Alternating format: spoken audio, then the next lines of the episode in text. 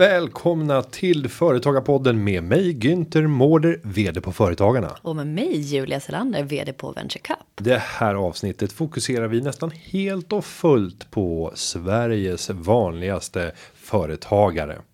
Det här är podcasten som ska hjälpa dig som företagare att nå nästa nivå i ditt entreprenörskap. Välkommen!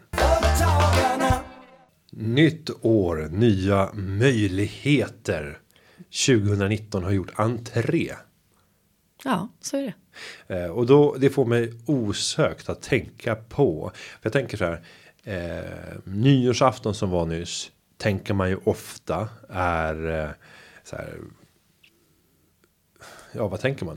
Nej, men jag, vet, jag tänker att, att man tänker att det är nystart och eh, vända blad och nu ska man börja med det där som man inte har gjort hittills. Som att man behöver liksom någon slags eh, hitta på startpunkt. Du Bokslutet. Kan väl, nej, men du kan väl börja nu. Men precis som att så här, eh, man har biktat sig att 2018 då höll jag på med massa skit. Men 2019 nu ska jag hålla det cleant här. Och så klarar man det med alla nya löften man har i tre veckor. Sen får man panik och så gör man alla misstag igen. Lite så tänker jag är den klassiska. Ja, och det kanske är följer den där liturgin som finns när det kommer till kändisar som uttalar sig i personporträtt mm -hmm. i media. Eh, för då är det alltid bra med dem just nu. Men det var väldigt dåligt förut. Mm. Men de har tagit sig upp. Och nu mår jag bra. Det där var faktiskt ganska sorgligt. Jag var och såg på Peter Jöback här i slutet av förra året. Mm. Det var en sån föreställning. Som allting gick ut på att han skulle förklara för publiken genom sång och dans och skådespel. Att han har mått jättedåligt. Men nu mår han jättebra. Och det enda jag fylldes av som känsla det var Nej Peter, du mår jättedåligt just nu. Efter sjunde klädbytet i bara mer och mer tight sittande kostymer och han var oerhört mån om sitt yttre. Och man bara kände att det är någon typ av ja, han fasas över att åldras och känner att eh, ja, vem fan tickar. gör inte det? Men okej, okay, jag vill tänka lite optimistiskt, men jag har jag tycker att det bästa sättet att liksom kasta sig in i då om man vill ha någon slags nytt bryt då på att 2019 då ska jag träna mer, äta bättre, eh, tjäna mer pengar, göra det där, umgås med familjen mer, bla bla bla vad det nu är. Börja inte på nyårsdagen utan börja liksom nu. Eller jag vet inte. nu, några dagar efteråt. Exakt. Nej, Nej men börja, jag vet inte, okej tvärtom då. Börja liksom i en december. Månad. Ja, två Nej, alltså, månader så, så, att du har en mjukstart in. Så här, om, du, om du vägrar gå till gymmet och ska göra det första dagen när alla andra också ska göra det. Då får du en helvetesupplevelse. Mm. Alltså det värsta och den största utmaningen man ska göra förändringar är ju inte att man själv vill ändra. Det är bara att ändra så. Och så ändrar man sig. Det är vad alla andra tycker runt omkring. Och det är det som tar tid. Så att, Ja, jag vet inte. Men jag känner att det här nya året har börjat bra. Mm. Hade du en bra nyårsafton? Ja, det var väldigt bra.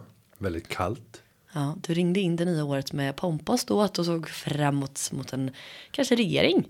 Ja, det hoppas vi. Ja. Eh, så att eh, vi, vi får se vad som händer på, på den fronten. Mm, men vad, eh. vad lovade vi för några nyårslöften nu då? Jag ska ta körkort. Ja, och jag har inte lovat. Jo, jag ska bli en bättre pappa. Mm. Det är ganska diffust för att du kommer inte kunna utvärdera det här förrän barnen blir kanske 15. Ja, och just 15 är nog en ganska dålig ålder att ställa diagnos på pappa. Eh, för att eh, just i den åldern så tror jag inte att man är som starkast. När man, mm. jag menar, det är verkligen den tiden då barnen tittar på sina föräldrar och bara, åh, gud, fatta vad jobbig du är. Gud vad du kommer vara töntig när dina barn är 15. Alltså ja. enligt dem. Jo, men det räckte ju bara med när vi hade Heaven och Henning här tidigare. Som man ändå känner så här, men det är typ vi. vi är typ samma generation. Och sen så. Och det gick inte. Nej, eh, en, en sis. Josis. Ja, okej, okay, då lämnar vi det där. Jag har ju råkat ut för att jag behöver ju uppenbarligen välja då. Jag har ju sagt att jag ska ta körkort över och det ska ju, det ska ju faktiskt hålla. Men eh, jag har också börjat träna med en personlig tränare. Och det kostar en jävla massa pengar. Så mm. till liksom motsvarande. Vilket ska jag välja? Min hälsa eller mitt körkort? Jag vill ha båda två. Men eh, då kan jag glädja åt att det kompenseras att jag tränar inte alls med någon personlig tränare. Eller alls överhuvudtaget. Och det är Men billigt. Det är jättebilligt. Ja. Eh, många skulle bli väldigt sjuka. Om de eh, levde som, som jag. Men eh, jag blir inte det. Mm. Sen kommer jag dö knallfall bara sådär. Men det är väl också Men- lite skönt tycker Men jag. han var fri, men han var frisk när han levde. Mm. Så tänker jag. Härligt. Men du, ska vi ta och kika vidare på dagens ämne? Ja, det gör vi. Och idag så hade vi tänkt att det skulle få handla om Sveriges vanligaste företagare.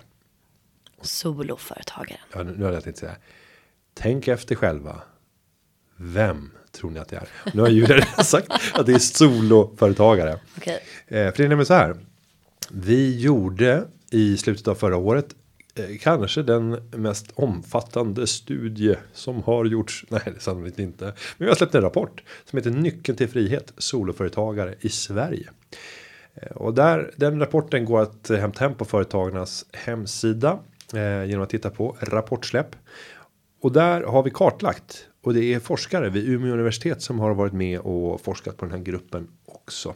Så det finns både akademisk eh, kvant och kvalitetsstudie med eh, egna erfarenheter från experter som har gjort eh, lite djupintervjuer och tittat på vad det är som karaktäriserar dem.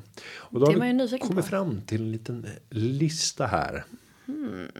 Och om vi bara ska dra den snabbt så att ni förstår vad det här handlar om. Så vill små för, eller soloföretagare i eh, hög utsträckning styra sitt liv själva. Eh, De vill vara problemlösare och det är stark drivkraft. Pengar är inte allt. Och soloföretagare är inte så bekymrade. Men de är tveksamma till att anställa. Så jag tänker att vi betar oss igenom det här och försöker resonera lite grann kring varför ser det ut som det gör. Soloföretagare vill styra själva. Vad tänker du där? Eh, jag tänker att det låter rimligt och det låter som att man vill, ja men man vill bestämma. Man vill ha makten över sitt eget liv helt enkelt.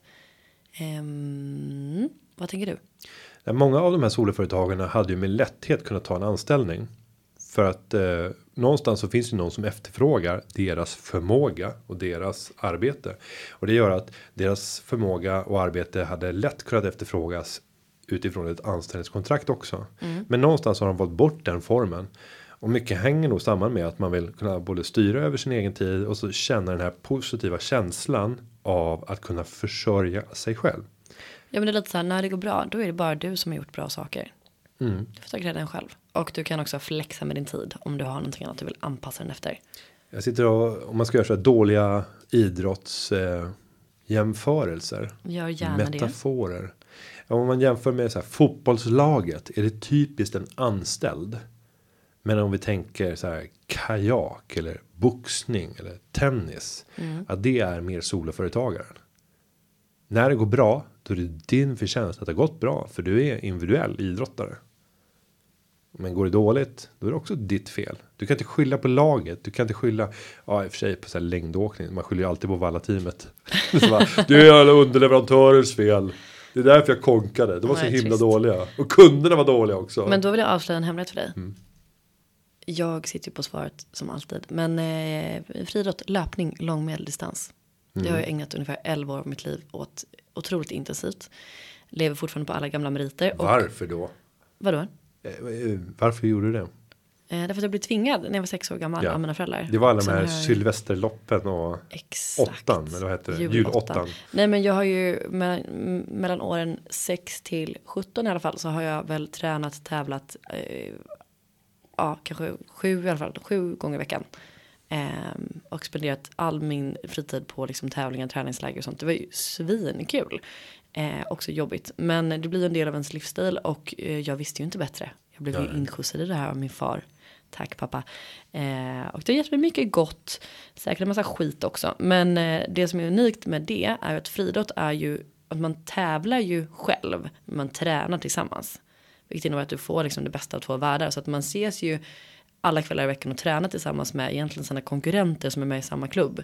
Men där och då är det ju hopp och lek och man tränar och det är kul och man är väldigt nära vänner. Och sen när det är skarpt läge i tävlingarna, då är det ju själv.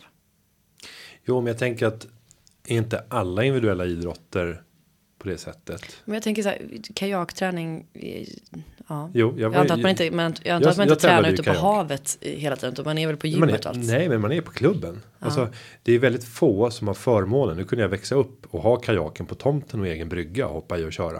Men nästan alla samlades på klubben. Mm. För att en kajak kan man liksom inte ha hemma. Utan du måste ha en förvaring och då är det på klubben. Men, Och sen är det jag är fasta med. tider och det är bastun och det är eh, lunchrummet där man kan sitta och, och hänga efteråt. Och, Okej, men då ändrar jag formuleringen. Eh, jag tycker att sådana här sporter överträffar lagsporter. mm. För att man får göra både två. Man får lära sig anpassa sig till gänget och man får ändå tävla själv. Nej, jag är, Tycker du annorlunda? Skriv in till hashtag ja. företagarpodden. eh, Men det skulle vara intressant att göra en undersökning kopplat till företagare och egenföretagare och eh, idrottare. jag skulle säga att eh, det är kraftigt överrepresenterat. Eh, och särskilt bland de som lyckades bäst i sin idrottsutövning som yngre. Så vill jag hävda att, det är min hypotes, att det är en kraftig överrepresentation av dem när det kommer till egenföretagare och även chefer. Och det hänger samman med att man bygger ett självförtroende. En person som har kunnat hitta liksom förmågan att bli bäst oavsett inom vad det är kommer också ta med sig den känslan in i alla delar i livet att jag kan bli bäst.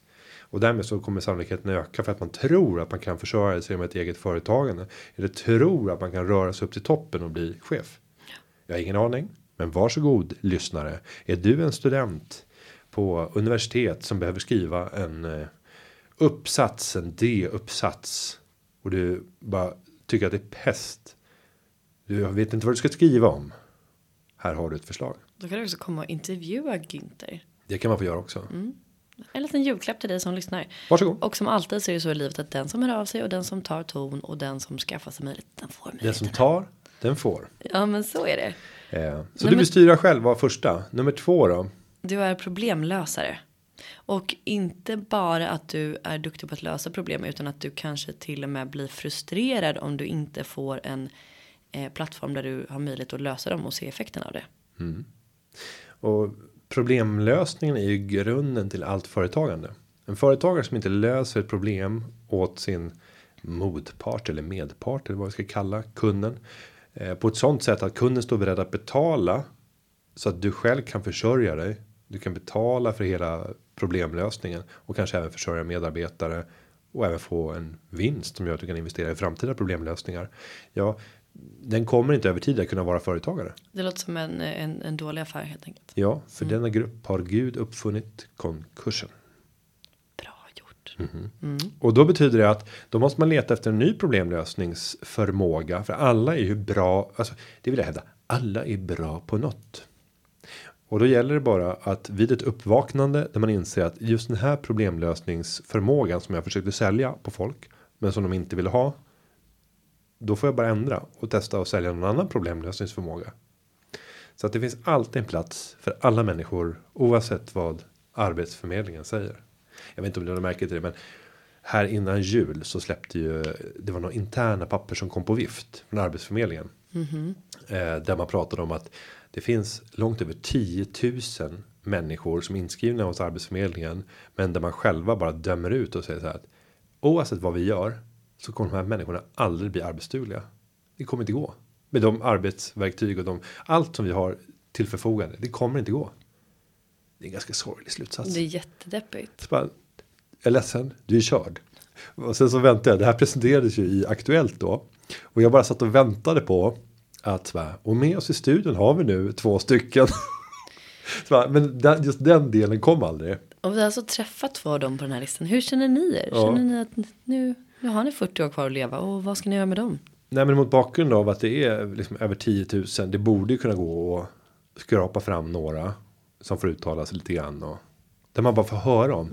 Jag Jag, tänker att de borde få ersättning för det här då eftersom att de kanske inte får så mycket ersättning för något annat. Nej, och sen tänker jag att eh, jag tror att det hänger samman med lite attityd. Jag tror att deras lust och inre glöd inte är på topp. Du tror att de hade mått bra av att ha varit eh, någon, någon form av idrottare i sin barndom? Ja, om de, jag, jag tror inte att gruppen toppresterande idrottare är överrepresenterade i gruppen av de här 10 000 som arbetsförmedlingen dömde ut. Det får vara din Bara, jo du, jag var etta i tennis. Men det är fruktansvärt att, att det finns en sån här grupp som, som andra människor tar sig rätten och säger att det är kört för. Otroligt deppigt. Ja.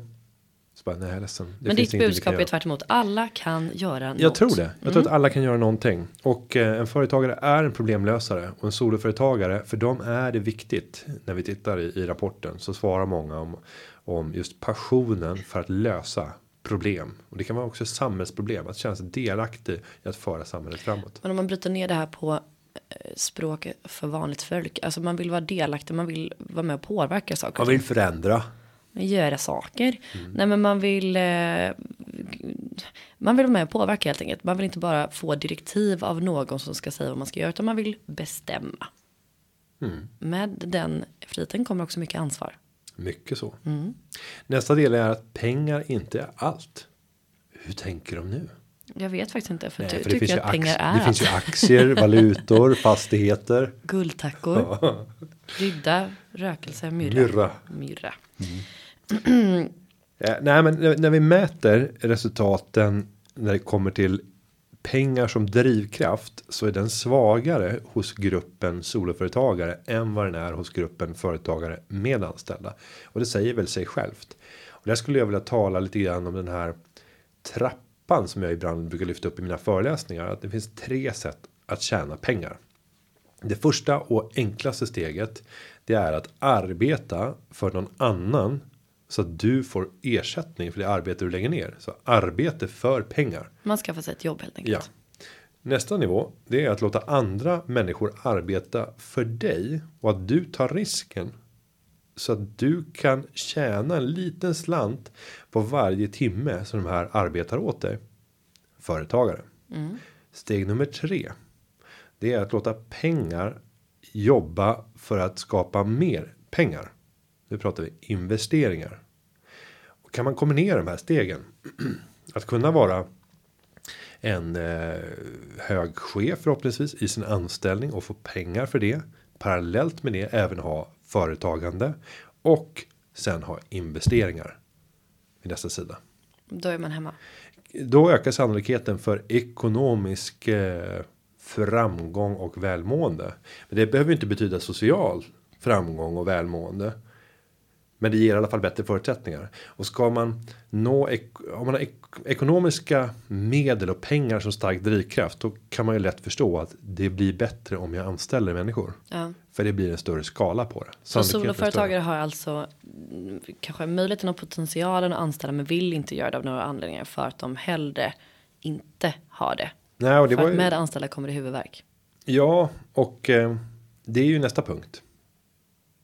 Nummer fyra. Mm. Du är inte så bekymrad.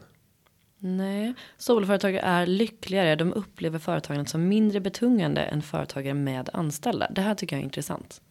Ja, men är det inte självskrivet? Jag tänker i ett så här, ansvars och försörjningsperspektiv. När man, bara- när Men, man, ge ett exempel då. eh, nej, men när man bara är ansvarig för sin eget öde. Då är det ganska lätt. För det, allt du gör drabbar bara dig själv. Jämfört med om man ansvarar för mängder av andra människors öde. Och då kan vi ta så här. Vi skulle kunna ta svärdslukaren. Den anställningen som ändå är, eller egenföretagaren som är Typisk ganska soloföretagare, eller hur? Det är ingenting som man gör med anställda. Svärdslukaren. Ja, Ja, okej. Mårders svärdslukeri. Så bara, jag har sju anställda, jag hade tidigare tio. eh, nej men alla fel och brister som du gör kan få stora konsekvenser. Och det är du som kommer få lida för de här konsekvenserna. Okej. Eh, på andra sidan så skulle man kunna tänka. Kanske lite dålig jämförelse men jag tänker om man skulle vara en eh, JAS-pilot. Som skulle flyga över kanske någon stor festival. Låt oss säga så här, en vattenfestival om det fanns någon sån i Stockholm. Eh, och sen är det jättemycket människor. När man tänker så här, okej, gör jag ett fel nu så kan det här påverka tiotusentals människor. Eh, och det är då representation för, representativt för att ha anställda. För att vara anställda. Så kära lyssnare, ni som inte har eget företag, tänk på detta. Vill ni Vem vara, vill du vara? svärdslukaren Eller eller, JAS-piloten? Och då tänker jag ju att en företagare gillar ju också, om jag ska hårdra det, att få uppmärksamhet för det man gör. Jag tror att många ändå skulle välja JAS. För Mm. Ja, att men båda får ju uppmärksamhet. Alltså även svärdslukan får ju uppmärksamhet. Jo, men JAS-planet är ju lite coolare för då är det så här. Alla ser ju dig när du flyger av planet. Om du står och slukar ditt svärd själv i ditt vardagsrum, då Ja, men det dör du. inte. Nej, men jag vet inte, Nej. jag, jag är ingen soloföretagare. Nej, vad fan ska vi göra? Ja, men jag tror att vi, nej men det måste finnas en marknad för det. Alltså du säljer en uppvisning på en festival. Att flyga flygplan. Eller, Eller du, du säljer, säljer svärdslukeri på samma festival. Jag tycker att det här går nog till historieböckerna, det här exemplet. Men Mm. sen så kanske svärdslukaren går bananas. Och börjar svinga sitt svärd på festivalen. Nej. Okej, eh, då tar vi Ja. nummer men, fem. Men det, det jag vill komma till. Och det här är intressant. Det här bör vi stanna upp till. För det här är lite breaking news. Soloföretagare är lyckligare än företagare med anställda. Alltså sug på den. Du är lyckligare som soloföretagare. Och det här är baserat på den forskning som har gjorts. Med eh, samarbete nu med Umeå, Umeå universitet. Och då får man kanske tänka sig att, ja, att man tar ett aktivt val. Att man kanske tjänar lite mindre pengar än om man har haft fler anställda. För det är skalbarheten kanske är svår om man bara ska skala sin egen tid. Om man inte har någonting väldigt täckigt, Men att man ändå väljer det för att man, det gör en lyckligare att ändå ha ansvar för sin egen tid och vara sin egen bäste dräng helt enkelt.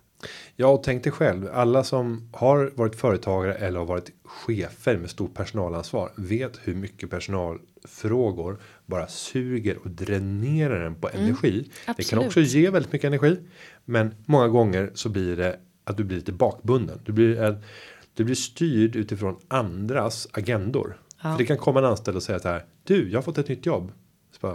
Okej, vad roligt, grattis. Och så bara, där rök de kommande tre veckorna när jag ska formulera en ny annons, börja leta efter människor, göra intervjuer, sen ska det vara överlämning. Jaha, du ska redan börja då, du har en uppsägningstid på en månad. Ja, det där blir ett aber som gör att man inte blir överdrivet lycklig. Jag kan inte säga mer än nej, I know. I know about that. Så Men det är en utmaning och när man har kommit förbi den så blir man ändå lite starkare. Ja, ska, ska jag skicka med så ett glädjens budskap till alla företagare med anställda. Så är det faktiskt så att det är högre grad av välbefinnande när man har nått upp över en viss nivå. Så när man börjar titta på 10, 15, 20 anställda. Då har faktiskt eh, den här lyckografen börjat vända uppåt igen. Och upp, det upplevda välbefinnandet är högre. Det Men det når inte upp till samma nivå som soloföretagarens. Men det blir högre än vad det var när man hade tre anställda eller två anställda. Så att det här talar ju emot tyvärr att anställa. För du kommer bli mindre lycklig. Du kanske ökar den ekonomiska avkastningen. Men för de flesta soloföretagare så är inte ekonomin drivkraften. Och då tänker jag att vi vill ju, alla i samhället vill ju att det ska skapas fler jobb. Och så vet företagare då att jag kommer bli mindre lycklig om jag anställer. Vad handlar livet om? Många gånger så kommer man välja bort att anställa. Och om vi tänkte följande fall. Du har tio människor.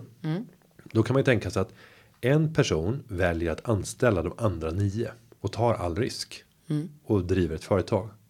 Eh, och så fungerar ju och har gjort i väldigt hög utsträckning tidigare. Eh, det som har hänt nu av de här tio, det är snarare att kanske tre eller fyra väljer att ha företag och vissa kör själv och någon anställer väldigt få. Och titta var skapas jobben? Jo, men det är företag med färre än 50 anställda. Det är där jobben skapas. Eh, Men vad hade hänt om alla hade startat företag? Alla de här tio startade som soloföretagare och började samverka med varandra. Och gjorde jobb precis som om man skulle drivit ett företag. Men att man skriver avtal för att samverka mot gemensamma mål. Men att man delar på risken då. Ja, alla bär en tiondel av risken. Om Mm. det går att konstruera avtalsmässigt. Sen kommer ju alla ha olika hierarki och göra olika saker så blir det olika riskprofil och så vidare. Jag tycker att det låter demokratiskt. Ja, visst är det. Och tänk dig vilka positiva effekter det skulle få. Att varje människa tvingades tänka som en företagare. Så bara, kommer det någon lön den 25? Nej, det gör det inte. Det kan komma en jättestor lön den 21. Om du har gjort ett fantastiskt arbete och kunnat fakturera mycket. Men det kan också komma ingen lön på tre månader. Om du inte har gjort ett bra jobb. Du har suttit och slösurfat på sociala medier här. under arbetstid. Eller du har förklaringen på allting som du ska leverera. För det finns alltid en förklaring. Men du Ja. har inte levererat någonting. Nej. Men, Men, det du är finns förklaringar. Därför får du lön. Jag älskar den här idén. Så att, och jag tror faktiskt att vi är på väg dit hän. Men i något annorlunda form än att man tänker ren, rent företagande. Jag tror just att formen egenanställd, men också formen. Och jag hoppas att vi kan få en reform i Sverige. Om tio, inom tio år. Det här är en ganska långtgående tanke. Men där varje människa föds med ett organisationsnummer. Likt sitt personnummer. Och med det organisationsnumret så kan du skicka fakturor till andra och få betalt. När du får betalt så kommer den här betalningen att ta ett varv förbi Skatteverket där man tittar på vilken preliminär skatt du borde betala. Och man tittar också på vad är det du har sålt. Du måste definiera det när du skickar fakturan. Och då ser man finns det något eventuellt rot eller rutavdrag eller finns det till exempel någon miljöskatt som ska belasta det här. Så både subventioner eller nya skatter som ska tillföras innan pengarna kommer ut på ditt transaktionskonto. När de kommer ut, då är det preliminärt skattat och färdigt. Klart och betalt. Men du får inte dra några kostnader likt ett bolag annat än när du kommer till din självdeklaration. Du behöver inte upprätta något bokslut för allting är färdigt. Det är ungefär som att vara anställd. Allting kommer skötas. All din rapportering är någon annan som svarar för. Men en gång om året ska du skicka in din självdeklaration. Har du haft kostnader för inkomsternas förvärvande, alltså kostnader för att tjäna pengarna. Ja, då får du ta upp dem och redovisa kvitton och på så sätt minska din skatt. Det här hade varit en dröm. Det hade verkligen varit en dröm. Och jag tänk tänker, dig, ja, jag får säga så här, tänk dig Uber Pop som tvingades lägga ner. ja. Tänk om de och liknande aktörer som har så här tjänsteplattformar var tvungna om du opererar i Sverige då måste du koppla på dig på den här plattformen. Så att när man gör en betalning i en Uber Pop eller om det är på Taskrunner eller om det är på någon annan typ av tjänster TipTap. Då måste de vara kopplade till den här Skatteverkets tjänst och du måste ha registrerat dig som tjänsteutförare med ditt organisationsnummer och då blir det en faktura från dig som skickas ut. Alla skatter och avgifter dras per automatik. Och visar det sig att de här mjukvarubolagen eller plattformsbolagen rundar systemet genom att inte koppla på det. Då förbjuds du att bedriva verksamhet. Vad står i vägen för att det här ska bli verklighet? Eh, den svenska arbetsmarknadsmodellen. Om vi tar den svenska arbetsmarknadsmodellen. Den utgår ju från att människor inte ska känna sig som egenföretagare. Inte ska vara ansvariga inför sin egen försörjning. Utan det ska finnas liksom ett kollektiv. Som förhandlar och tillser att du får löneökningar. Och som ska försvara dig om det sker. Till exempel saker om, om du har underpresterat och riskerar att bli av med jobbet. Men då ska det bli en diskussion. Du ska få en motpart. Eh, det blir väldigt annorlunda om du har ett avtalsförhållande som är likt en leverantörsförhållande. En leverantör kan ju inte komma till mig och säga att men du har du sagt upp det här avtalet på felaktiga grunder. Jo, det kan de göra om det har avtalats, men man kan inte bli förbannad för att man avslutar ett eh, avtal även om det har gällt i tio år. Om du bara säger upp det här avtalet inom ramen för vad som, som är avtalat. Men jag tycker att det är intressant att många som har så pass ändå stor respekt för egenföretagare eh, och eh, personer som driver bolag med anställda så här tänker att nej men nej starta företag det är ingenting för mig man får panik bara man tänker på allting som man ska ha ansvar för men sen går man till sin anställning och tänker att mitt företag det bara finns liksom. Det är inte någon som tar risken där och man kanske klagar på sin chef att den tar ut så mycket utdelning eller vad det nu kan vara. Men, men där är det som att man, alltså, men det här är företaget, det finns ju redan. Alltså alla bolag som man är anställd i har ju någon som någon gång har tagit den här risken och haft det här som har gjort det som du inte vågar göra när du är anställd. Och det tycker jag att man ska ha otroligt stor respekt för. Ja, Ja, du är inte så bekymrad. Du är tveksam till att anställa. Ja men det har vi varit inne och tangerat då. Men det, det är ju väldigt intressant slutsats. Och vad det beror på verkar vara att ja med, med anställning och att försöka ta ansvar för andra människor så blir man kanske lite mindre lycklig. Ja. Eh, men sen när vi tittar på statistiken som vi har fått fram. Så säger två av tio om att de drömmer om att utveckla företag och anställa minst en medarbetare. Men det är två av tio som gör det. Det betyder att det är åtta av tio som inte drömmer om att ta nästa steg. Och där ser jag ett problem i Sverige. För alla företag har ju börjat som ett soloföretag. Nästan alltid. ja. Och sen har man hittat kanske partner i tidigt skede. Och så blev det ett, ett företag med flera. Men jag tänker att det också om man fortsätter på statistiken här. Varför vill de inte anställa då? Då har man angett, angett tre saker. Oro för felrekryteringar. Eh, 77 där. Sen eh, oro att inte täcka ökade kostnader. 76% Och höga arbetsgivaravgifter. Mm. Det låter rimligt. Och där kan man säga att vi eh, lyckades ju skörda en politisk seger under senaste mandatperioden då vi fick in växa stödet. Det har från och med nu försvunnit för enskild firma men omfattar fortfarande aktiebolag. Det innebär att du får en kraftfull rabatt på arbetsgivaravgiften på din första anställda under den första tiden. Hurra! Och det är liksom att underlätta det här största klivet man någonsin kan ta som företagare. Att gå från att bara försörja sig själv till att även försörja en annan. Men det finns ju andra saker man kan göra. Vadå? Jo, men då tänker jag till exempel på att eh, underlätta. Alltså som man borde göra. Ja, som man borde göra från politiskt håll. En sak det är ju att öppna upp för kvartalsredovisning av skatter för mindre företag. Eh, idag så är det månadsrapportering på väldigt många uppgifter. Tänkt att gå över till fyra rapporttillfällen. Och samtidigt så innebär det att du kommer få en bättre likviditet i bolagen. Det blir en ojämnare likviditet, men den kommer generellt att vara högre. Mot detta står att eh, risken för att företagare gör bort sig och bränner till exempel momspengar som ska betalas in innan eh, de ska betalas in. Den Bra ökar sannolikt.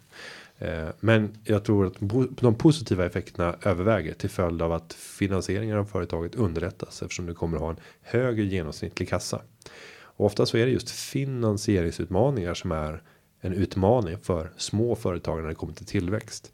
För det är rätt svårt som soloföretagare att få lån för du betecknas som otroligt riskfylld.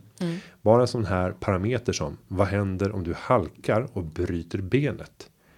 Eller skadar huvudet eller blir sjuk en månad. Där faller Eller om ju- någon i din närhet blir sjuk och du måste ta hand om dem. Ja, det finns så många. När det är en enda person. Så eh, innebär ju varje stor risk en, ett katastrofscenario för företaget och därmed den krediter man har lämnat ut till företaget jämfört med om det var tio stycken. Man har så att säga lagt alla sina ägg i en korg. Jajamensan. Och därför så minskar sannolikheten att en, ett finansinstitut kommer vilja låna ut pengar. Så där måste man hitta, tror jag, nya typer av eh, finansieringsprodukter för de eh, soloföretagare. Men de här som vill nästa växa. steg. Mm, mm, mm, mm. Spännande. Sen om vi pratar ditt spår, hälsa. Hälsospåret. Ja, Nej men eh, just det med det här med friskvård också. Mm. Är det så bra? eh, det är bra. Om vi tittar på eh, friskvårdsbidraget, eh, friskvårdsavdrag, eh, så får det inte tillämpas i enskild firma. Vilket är oerhört märkligt. Ja man, men jag tycker att det är jättekonstigt. För om det är någon som är stressad och mår dåligt och skulle må jättebra av att träna någon gång i veckan så är det väl just egenföretagare. Ja, och eh, att skilja på aktiebolag och enskild firma och ge möjligheten i aktiebolag men inte i enskild firma känns väldigt konstigt. Och det innebär Är det för att man tänker att man kan fuska lättare där eller? Nej, varför ska man kunna fuska mer i en enskild firma? Alltså, Men jag tänker att det är lätt, alltså ö, så här, att det kanske tar emot lite mer att, jag vet inte. ja, det är en högre inträdesbarriär Exakt. att starta ett aktiebolag. Så är det absolut. Jag vet inte vad bevekelsegrunderna egentligen måste är. fråga någon om detta. Ja, och jag vet inte om, om, om man ens från politiskt håll tycker att det borde vara så här. Sen så är det en fråga som väldigt få politiker kanske har kunskaper om. Och där kommer jag med en uppmaning till dig som lyssnar. Och är du företagare men har åsikter så skulle jag vilja att du engagerar dig politiskt. Oavsett vilket parti så vill jag att du engagerar dig politiskt.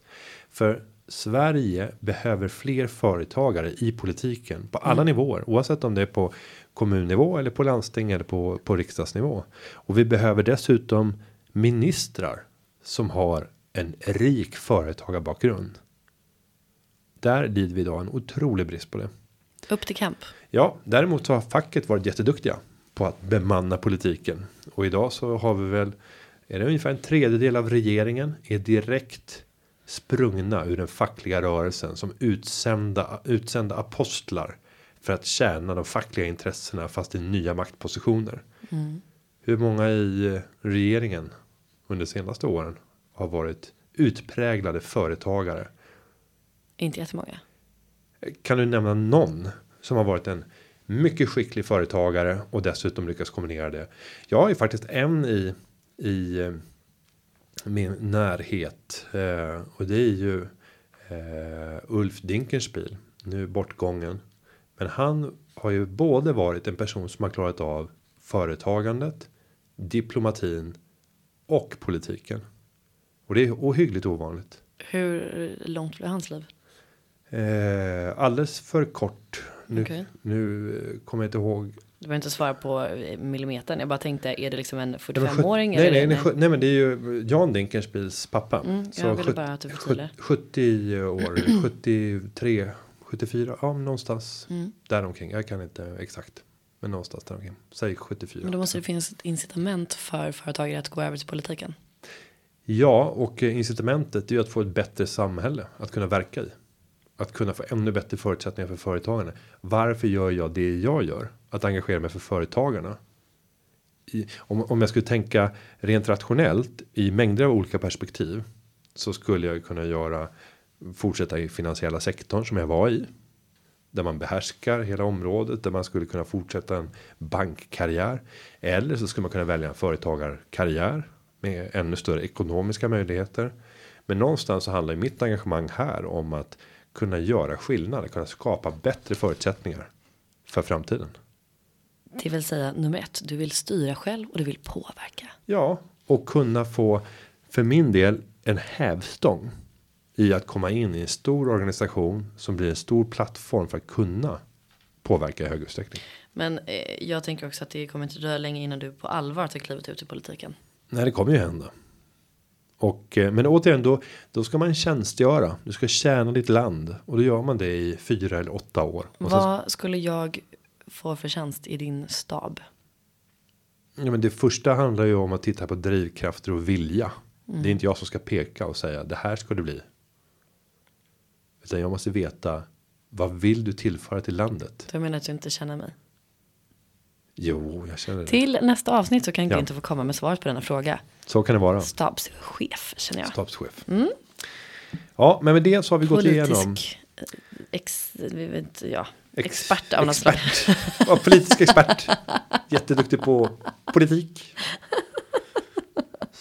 Kunnig i sak. Sakfrågor. Jaha, vilka då? Ja, alla saker, alla frågor. Ja, Bara massor med kunnig. saker. Typ så prylar. Kan, kan grejer. Eh, det ser jag fram emot. Jag ser också fram emot mitt motparti. Allt Mm. är kul-partiet. Som har drivkrafter för lite allt möjligt i samhället. Det är bra. Mm, det är bra. Eh, Men eh, nu har du som lyssnar fått lite bättre hum och känn kanske om soloföretagares eh, vardag när det kommer till drivkrafter, bevekelsegrunder och eh, hur lyckliga de är och varför. Men eh, Men ja, och också så här, känner du igen det eller känner du inte igen det? Hör av dig och berätta. Och då hör man ju såklart som vanligt av sig på hashtag företagarpodden eller företagarpodden.se. ja, Ja, välkommen in med din reaktion. Så med det så ska jag säga att eh, podden den har förberetts av David Hagen och klippningen den är gjord av Linda Aunan Edvard. Vi hörs igen nästa vecka. Ha det gött. ha det fint. Hej. Företagarna. Ja, ja, ja, ja, ja, ja. Företagarna. Ja, ja, ja, ja, ja, ja.